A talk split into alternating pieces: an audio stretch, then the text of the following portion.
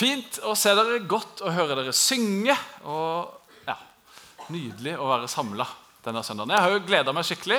Og De av dere som frykta en veldig lang tale nå fordi at vi er to som skal holde den, eh, jeg tror heller at eh, ja, deler å spisse ørene og se om dere klarer å få med alt vi sier. Hvis ikke dere gjør det, så holdt vi to taler om trospråk i 2017 som du kan finne på hjemmesida vår. Så hvis du har lyst til å fordype deg litt mer i dette med trospråk, så ligger de ute. Og så selger vi ei bok ute i bokkiosken som handler om dette her. Men vi syns at dette er veldig viktig. eh, Og vi har opplevd mange ganger, meg selv inkludert, at dette gir en aha-opplevelse for folk når de får høre om dette med trospråk. Kanskje du har hatt det sånn noen ganger at du har kjent at ah, jeg burde ha vært mer sånn som han. Eller jeg burde sikkert ha gjort mer sånn som hun. Jeg er liksom ikke god nok kristen. Eller ja, og se på de da, som er eh, sånn. Et sånn typisk eksempel jeg har hørt mange, Se på de som rekker hendene i været. De er skikkelig kristne. altså. Sånn burde jeg sikkert ha vært. Kanskje du har kjent på sånne ting. Eller kanskje du har vært helt motsatt ende og tenkt ja, de der er ikke særlig kristne. altså. De burde vært litt mer sånn som meg. Ikke sant? De holder jo bare med sånne ting og bare gjør sånn. og Det er ikke så bra. Dessverre så er vi mennesker sånn noen ganger. Enten at vi ikke føler oss gode nok, eller at vi føler oss bedre enn andre. Og så er jo faktum bare det at Vi er ulike mennesker, vi har ulike personligheter. Det er vi nokså trygge på og kjenner godt til. Men vi har òg ulik åndelighet, ulik spiritualitet, ulik måte som vi uttrykker vår tro på. Spiritualitet eller åndelighet det kan oversettes på en måte eh, som at det du gjør med det du tror på. Hvordan ser din åndelighet ut? Og Her står det en setning under. og Det er at det fins bare én vei til Gud, og det er gjennom Jesus. Men det fins mange veier til Jesu hjerte. Det fins ulike måter å være nær Gud på og kjenne hans nærvær på.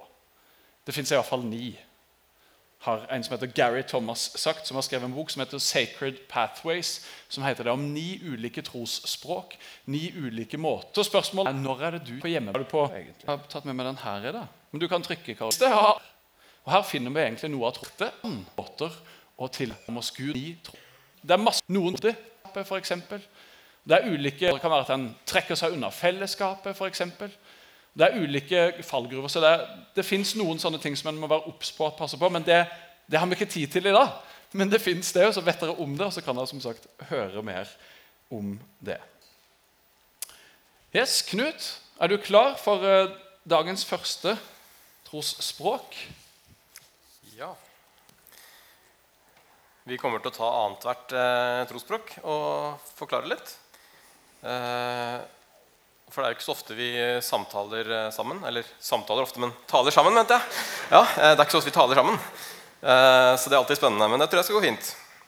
Så Vi kommer også til å hjelpe hverandre litt når vi nevner et trosspråk, til å på en måte illustrere litt i dag også.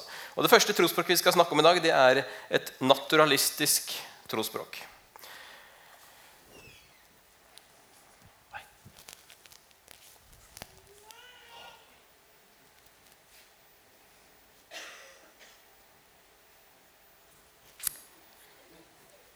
Et naturalistisk trosspråk må forresten ikke forveksles med et naturistisk. Eh, ja, det, det, er noe annet. Men naturalistisk det handler om å elske Gud i naturen. Man kan selvfølgelig også, Det er nok også en del naturister som kan være naturalister eh, og elske Gud uten klær i naturen. Men eh, det er ikke et eh, måte, Det er ikke viktig. Men mange naturalister de opplever ofte Guds nærhet gjennom naturopplevelser. Gjennom det å være ute i Guds natur, se på skapverket, være tett på skapverket. Gjennom å gå turer, f.eks. Og Hvis du er typen som sitter her nå i dag og tenker at ah, jeg skulle heller vært ute i skogen eller på fjellet eller ute på sjøen istedenfor være på gudstjeneste, så kan det hende at du er en naturalist og har det som et, et trosspråk. Og Gjennom Bibelen så ser vi også mange eksempler på at Gud møter mennesker i naturen. Eh, Abraham eh, møtte Gud i fjellet, Moses møtte Gud i ødemarken, Gud møtte Hagar i ørkenen osv. Veldig mange eksempler på det. Og det er kanskje noe med også at det kan være lettere for oss å ha fokus på Gud når vi er i naturen, og det ikke er så mange skjermer og andre ting som tar vårt fokus vekk fra Gud. Så naturen kan også hjelpe oss til å se Gud klarere, fordi vi ser alt det gode han har skapt. Vi ser på skaperverket, Og så kan det være godt for oss iblant å eh, ligge i grønne enger og ikke bare på sofaen. Bokstavelig talt. da. Og så er det ikke slik at eh, naturalistene har fokus på Gud hele tiden mens man er ute i naturen. Men plutselig så kan man oppdage noe som gir en styrket gudstro. Man kommer opp på et fjell, ser utsikten, eller bare ja, har en, en, sterk opplevelse i, eh, i, i, skogen. Ser et morsomt tre, f.eks som er skapt på en flott måte. Og så kan sånne ting gi, gi en styrket tro på at det står en skaper bak. Så Hvis det blir lenge mellom naturopplevelsene, så kan jo kanskje naturalisten kjenne at troen kan bli litt eh, svakere. Og han, eh, Gary Thomas som, og nevnte, som har skrevet den boken Sacred Pathway, han sier at han også selv oppdaget at naturalisten var hans trosspråk. Så utforsk gjerne de ulike trosspråkene også, som du hører om i dag, hvis du er usikker på hva er mitt. Og Naturalisten er altså det første, og vi skal fortsette med Sensorisk.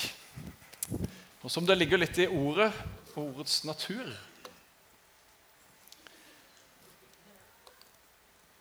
Så er sensorisk å bruke sansene. Så det å se f.eks. på et vakkert bilde, det er noe som kan eh, ja, oppleves veldig godt. Og akkurat det bildet her, den eh, hjemkomne sønn, av Rembrandt. Det var en kar som heter Henry Noven. kanskje noen har hørt om Han Han så på dette bildet og ble utrolig møtt av Gud. Så endte det opp med at han eh, sa opp jobben sin som professor og flytta inn i et kollektiv med funksjonshemma, der han bodde resten av sitt liv eh, sammen med dem. Og Det var det bildet som var utgangspunktet for det.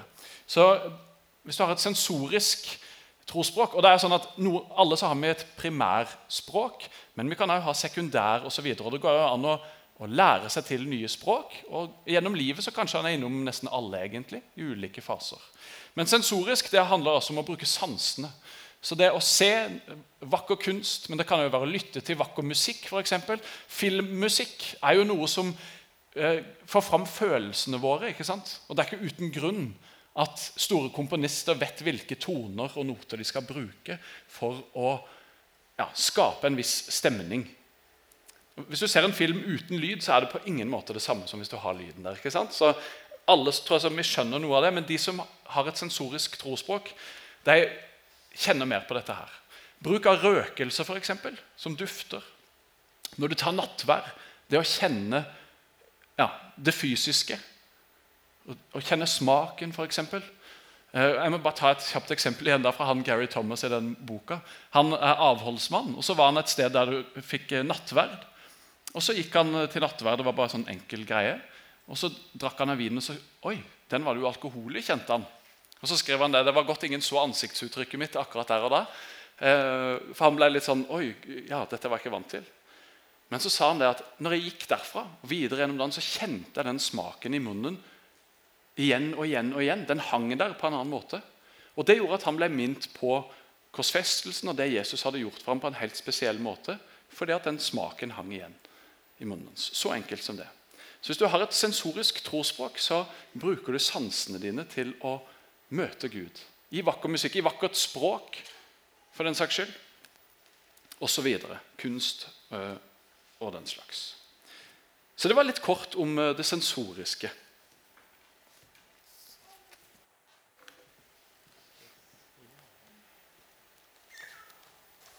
Ja. Jeg fant forresten ut i denne taleserien eh, når vi hadde den i 2017, at jeg har litt sensorisk trosspråk i meg. Og Derfor kanskje jeg er veldig glad i instrumentalmusikk og liker å høre på filmmusikk når jeg kjører bil. Og disse tingene, og veldig glad i fiolin og saksofon og alle disse tingene her som ja, lyder godt. Men trosspråk nummer tre vi skal se på i dag, det er et asketisk trosspråk.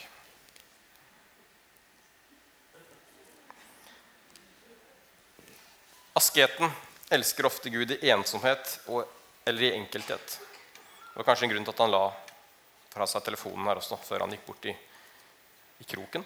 Eh, men en typisk asket i Bibelen det kan jo være for døperen Johannes, som omtales som han søkte ut i ødemarken. Han bar en kappe av kamelhår og et lærebelte om livet, og maten hans var gresshopper og villhonning. som det står i Matteus 3,4. Nå er ikke det sånn at det er fasiten på hvordan en asket eh, lever, men et eksempel. er viktig å si det. Og Gary Thomas skriver i sin bok at det er ikke det er ikke lett. Vi har ikke gjort det lett for asketen å leve i den vestlige verden. Du må i hvert fall velge å gå veldig imot vår materialistiske kultur om du vil leve et asketisk liv i dag. Mange som velger å leve asketisk, velger derfor kanskje å bli nonne eller munk. Eh, fordi de ofte kanskje har et asketisk trosspråk for å kunne gjøre det. Det handler ikke ofte bare om enkelthet, men det handler også om en dyp forpliktelse.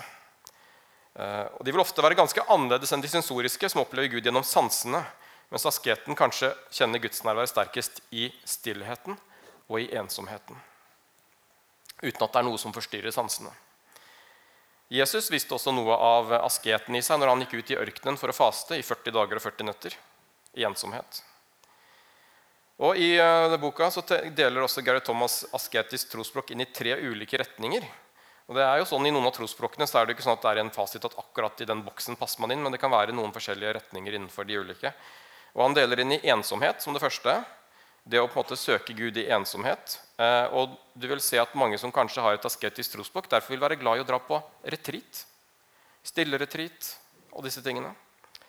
Eh, og så sier han at eh, Den andre retningen innenfor asketisk det er nøysomhet, som kan handle veldig mye om eh, ikke overforbruke penger, lite fokus på materialisme, og kanskje også forvalte de midlene man har, på en god måte.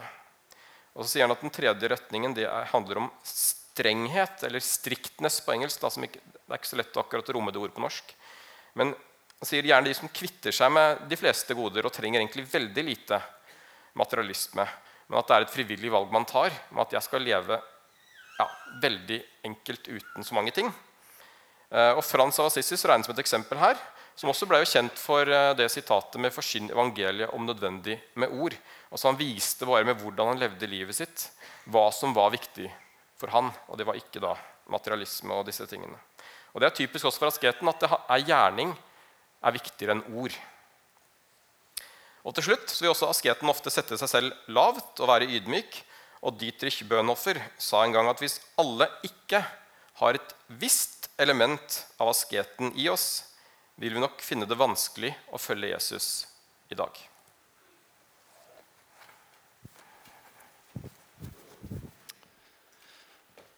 Vi kommer til det fjerde av ni. Det går unna dette her. Og det er et tradisjonalistisk trosspråk.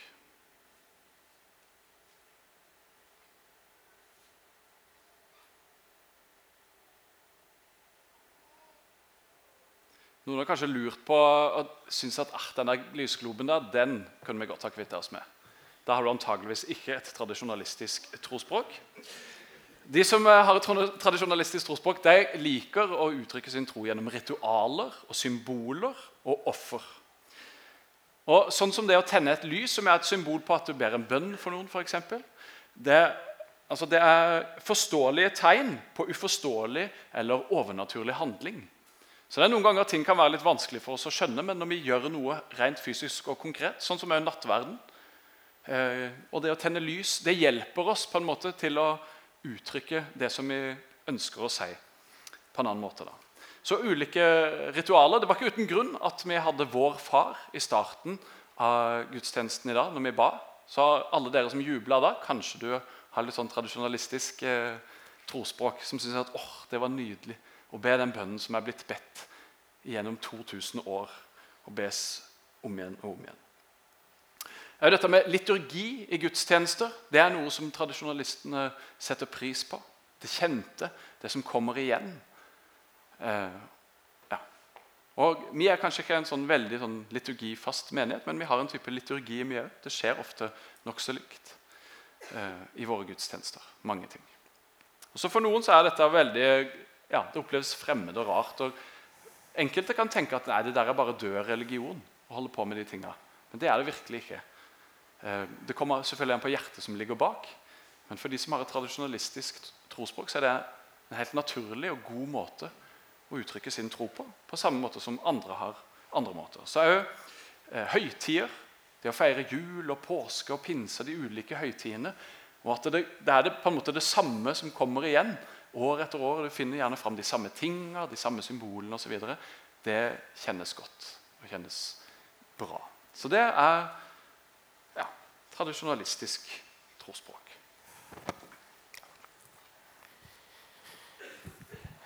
Da har vi kommet fram til et eh, diakonalt trosspråk.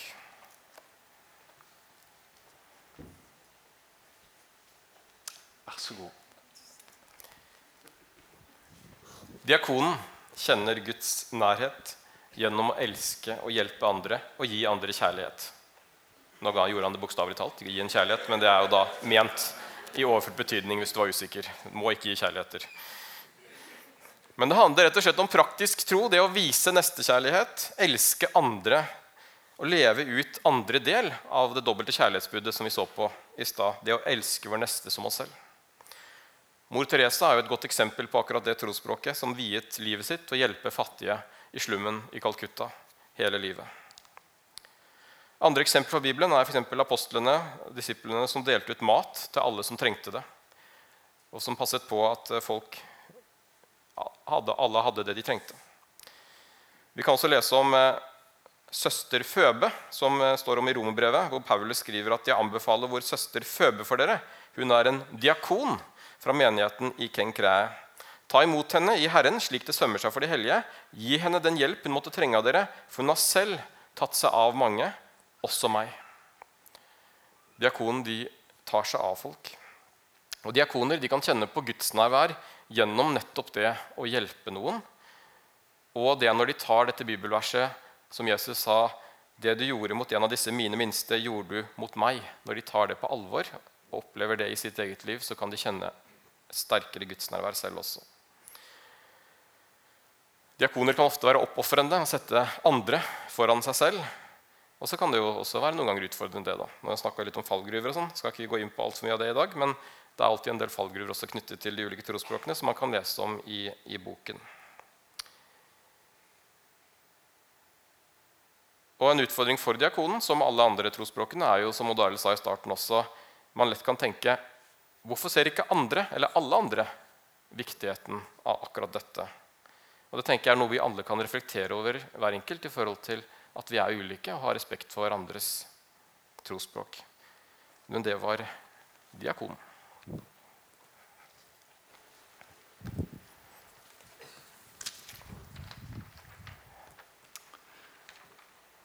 Du kan få lov å begynne. Skal jeg begynne? Ok. Jeg protesterer. I hvert fall litt. Jeg tror ikke Knut har et aktivistisk trospråk. Det var i hvert fall eh, dårlige greier.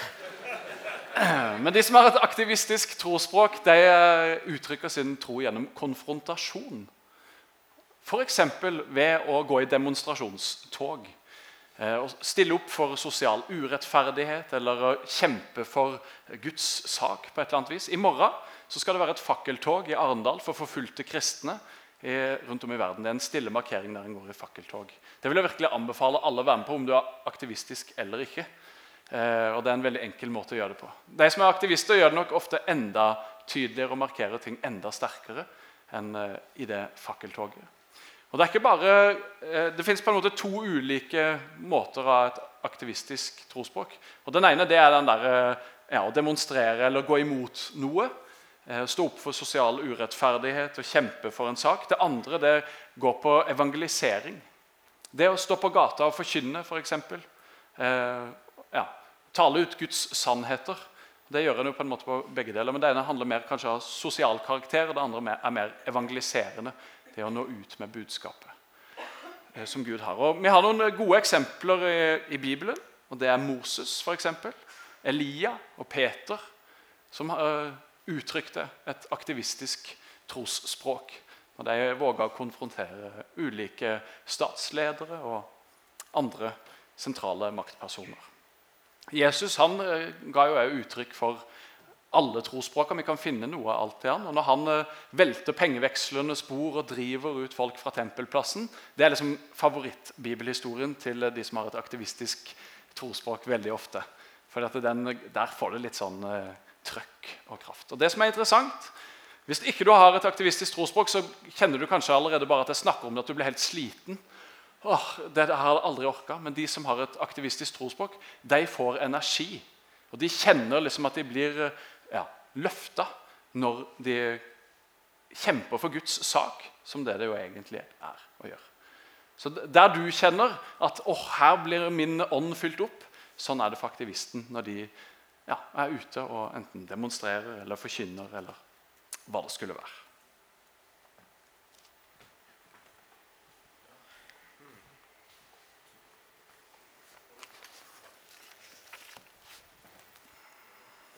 Ja, Vi fikk også tilbakemelding etter denne trosboktalen i 2017 at eh, det, var, det, falt på plass for et ektepar blant annet, hvor den ene skjønte at ektefellen var aktivist. Og Det var liksom litt godt å forstå. da i forhold til, ja. Så det kan også være fint å vite hverandres trosspråk i et ekteskap eh, hvis de er ulike, og ha litt forståelse for det. Vi har kommet fram til et uh, intellektuelt trosspråk. Det var kanskje ikke så overraskende det handla om. Men den intellektuelle vil ofte kjenne gudsnærvær gjennom forstanden og hodet og det å oppdage nye sannheter. Som vi leste i stad i det dobbelte kjærlighetsbudet, står at vi skal elske Gud med all vår forstand. Og For de som ikke har det trosspråket, så kan det være litt vanskelig å gripe. Eh, men det var en i kirken her som leste noe for en del år siden og sa noe bra. At jeg kjente hvordan ånden min vokste når det intellektuelle ble tilfredsstilt. Og det er litt det det handler om. Vi skal høre litt senere om entusiasten, eh, som kanskje vil oppleve at det intellektuelle høres veldig fjernt ut. Eh, men gjennom å øke kunnskapen og forstanden så opplever den intellektuelle at ånden vokser. Gjennom bl.a. å lese bøker. For det er jo ofte også sånn at Hvis ting da faller på plass i hodet, så kan ofte hjertet følge raskt etter. Og så er det viktig å presisere at dette trosspråket handler ikke om at man må ha høy IQ, eller at man må være veldig smart. Men det handler om de som kjenner at det varmer kanskje i hjertet når man forstår nye ting med hodet. Så De intellektuelle kan kose seg med en god bok. De kan bruke timer på å fundere over en bibeltekst eller et avsnitt. Og når det nylig var en sånn eh, trosforsvarskonferanse oppe på Veritas-konferansen oppe på Bibelskolen, så vil mange av de som har det trosspråket, eh, synes at det er kjekt å være der for å lære nye sannheter. Nye, eh, for de liker ofte å kunne da forsvare troen på en intellektuell måte. Salomo i Bibelen kan være et eksempel her. og Hans ordspråk er jo en kjent bok. Salomo snakker også mye om å søke visdommen og trakte etter den.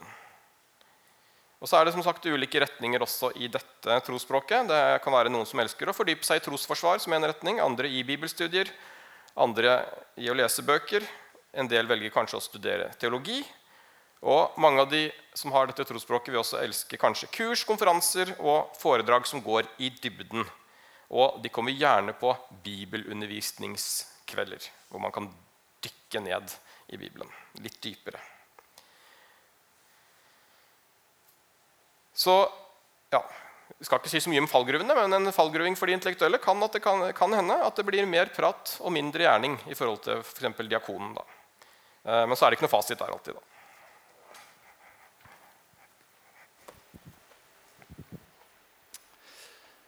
Da har vi kommet til det nest siste, og det er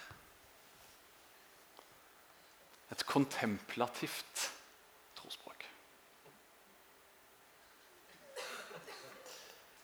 Skal du sitte der hele tida?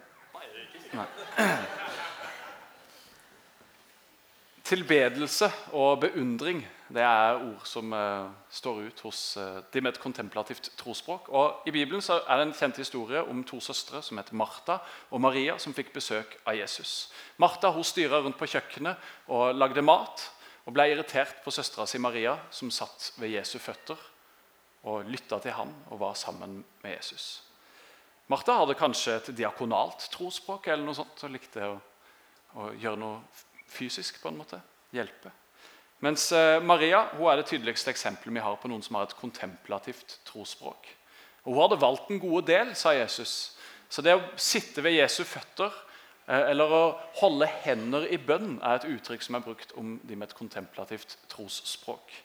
Så stillhet, meditasjon, alenetid og det å bare være sammen med Jesus i beundring og tilbedelse, det er ja, vanlig for et kontemplativt trosspråk. Og Noen av de henger jo litt sammen, så jeg tenker at asketisk og sensorisk og kontemplativt de eh, går litt i hverandre og har noen av de samme tinga. Men det er absolutt noe som, eh, som ja, eh, Altså Kontemplativt det kjennetegnes av dette med tilbedelse og beundring. Og det er bare Hvis du kjenner det at å bare sitte ved Jesu føtter og være i hans nærhet, da er jeg på hjemmebane. Liksom. Da kan det tenkes at du snakker godt et kontemplativt trosspråk. Og da, Knut! Ja. Jeg vil litt mer. Det var så gøy. ja. Da har vi tydeligvis kommet fram til et dansende trosspråk. Nei, det var ikke helt det, men et entusiastisk trosspråk. Eh, entusiasten elsker ofte Gud med hele seg gjennom feiring og det mystiske eller det overnaturlige.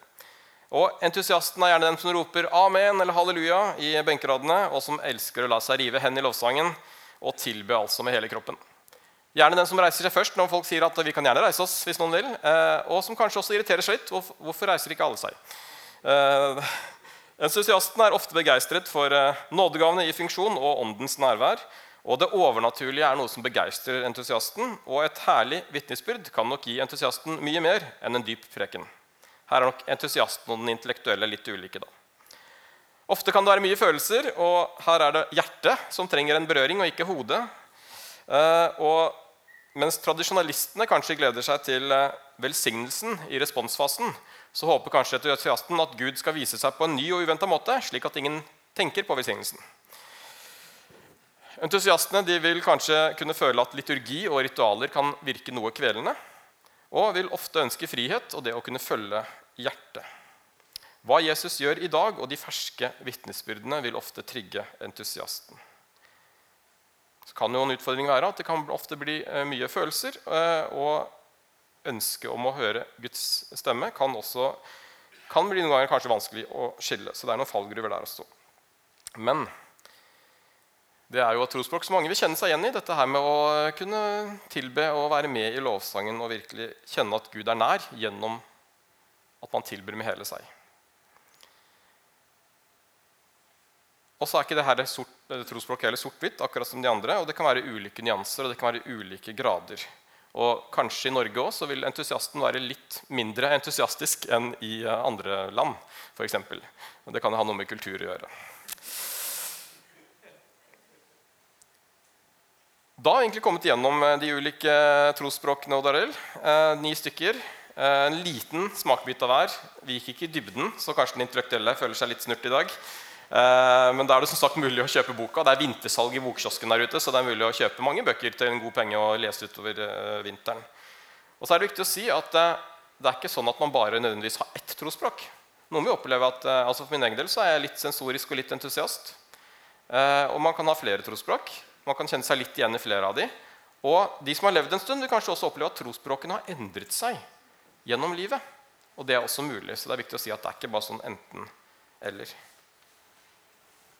Yes. Skal vi bare oppsummere og avslutte litt. Eh, bak meg så står alle de ni trosspråka. Jeg håper at noen av dere har kjent litt på sånn ah, Er det derfor, ja? Eller åh, er det sånn det henger sammen? Eh, det er i hvert fall eh, målet og ønsket med det her. Og det å få fram at vi er ulike. At en både kan lande sitt eget trosspråk, men òg få forståelse for at andre opplever det samme som oss, egentlig, men på en helt annen måte og at vi kan respektere hverandre. Og Jeg er utrolig glad for at vi er en menighet som har et stort mangfold. Jeg tenker at Det er veldig lett at, at en får ulike typer menigheter og kirker som, som, passer på en måte for en type trosspråk. da. Alle tradisjonalistene går liksom i Den norske kirke, og alle entusiastene går i en pinsemenighet. liksom. Mens hos oss så tenker jeg at vi har en utrolig stor bredde. Veldig mange ulike typer mennesker og ulike trosspråk. Og anledning til å uttrykke seg på ulike måter. og Det er jeg så glad for. Og Det er det vi skal liksom gjøre nå i responsfasen. da. Eh, for nå har vi kommet til responsfasen av gudstjenesten. Og Da skal vi lovsynge, eh, blant annet, som eh, særlig entusiastene gleder seg over. men mange. Og det som er, skal, Vi skal liste opp mange ulike ting som dere kan få lov å gjøre nå. Bevege dere rundt og prøve ut trosspråk. Så prøv gjerne ut noe som ikke er ditt primære, eller som er så naturlig for deg. Test ut noe annet. Rett og slett, I denne eh, responsfasen. Så det er lov å danse benkeradene selv om du aldri har gjort det før. Det er veldig lov å danse. Prøve det, liksom. Teste det ut. Ja, ja. Det var ikke meningen å le, forresten. Det er veldig, veldig seriøst at det er fint Ja. av de som gjør det. altså. Ja.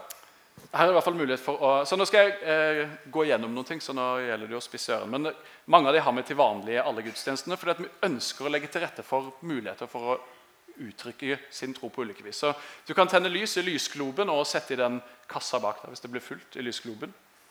Vi har uh, Bjørnar Westøl som forbeder foran uh, i kroken der. Så hvis du har lyst til å snakke med noen, bli bedt for for et eller annet, så kan du gå dit.